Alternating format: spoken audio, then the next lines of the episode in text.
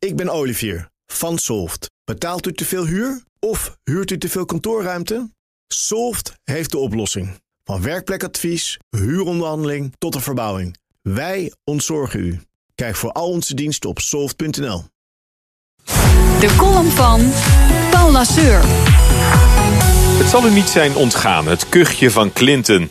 Na maanden onvermoeibaar campagne voeren werd Hillary Clinton vorige week geveld door een longontsteking. Niet Donald Trump, maar een simpele bacterie drong haar op de knieën.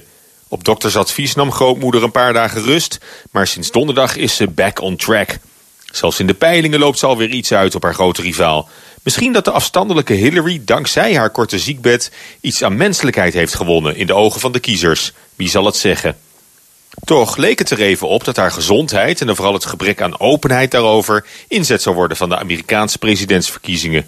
Maar wat had je dan verwacht van een bejaarde? Als Clinton het redt en straks na twee termijnen het Witte Huis weer verlaat, is ze 78 jaar oud. En ouderdom komt nu eenmaal met gebreken. Zelfs wereldleiders hebben niet de eeuwige jeugd. Bovendien hebben de Amerikanen in dat opzicht helemaal niets te kiezen in november. Want Donald Trump is nog ouder. De strijd om de verkiezing van de machtigste mens op aarde gaat tussen kandidaten die allebei de pensioengerechtigde leeftijd al lang zijn gepasseerd. En die ook nog eens een slopend carrièrepad hebben afgelegd om het zover te brengen.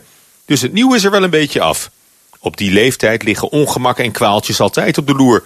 Je kunt alleen maar grote bewondering hebben voor de enorme energie die deze twee Benidorm Basters desondanks aan de dag leggen. Wees blij met de levenservaring en de wijsheid die ze hopelijk meebrengen. Ook in het bedrijfsleven leeft het hardnekkige misverstand dat leiders voor alles kerngezond en topfit moeten zijn. Ziekte is zwakte en daarop rust een zwaar taboe. Volgens het cliché is ondernemen topsport en survival of the fittest. Dat stelt inderdaad hoge eisen aan de fitheid van de meeste managers. Maar voor echte leiders gaat dat niet op. Leiders moeten vooral visie hebben en charisma.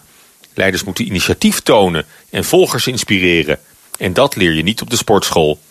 Een paar jaar geleden maakte de CEO van Axo Nobel, Ton Buchner, indruk door kort na zijn aantreden het werk alweer tijdelijk neer te leggen, wegens oververmoeidheid. Hij erkende openlijk dat hij te veel hooi op zijn vork had genomen en even gas terug moest nemen.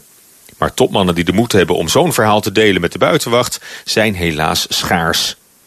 Het beste voorbeeld dat ziekte geen zwakte is, komt misschien wel van Apple-oprichter Steve Jobs. Volgens velen de allergrootste topman ooit. Jobs overleed in 2011 na een zeven jaar durende strijd tegen kanker. Over zijn enorme drive zei Steve Jobs tegen studenten van Stanford University een paar jaar eerder dat zijn gevecht tegen de ziekte alleen maar de noodzaak onderstreepte om alles eruit te halen. Elke dag weer. Prettige maandag. Dat zei Paula Seur. Zijn column kunt u teruglezen en luisteren op bnr.nl en de BNR-app. Ik ben Sylvia van Solft. Betaalt u te veel huur of huurt u te veel kantoorruimte? Solft heeft de oplossing. Van werkplekadvies, huuronderhandeling tot een verbouwing, wij ontzorgen u. Kijk voor al onze diensten op soft.nl.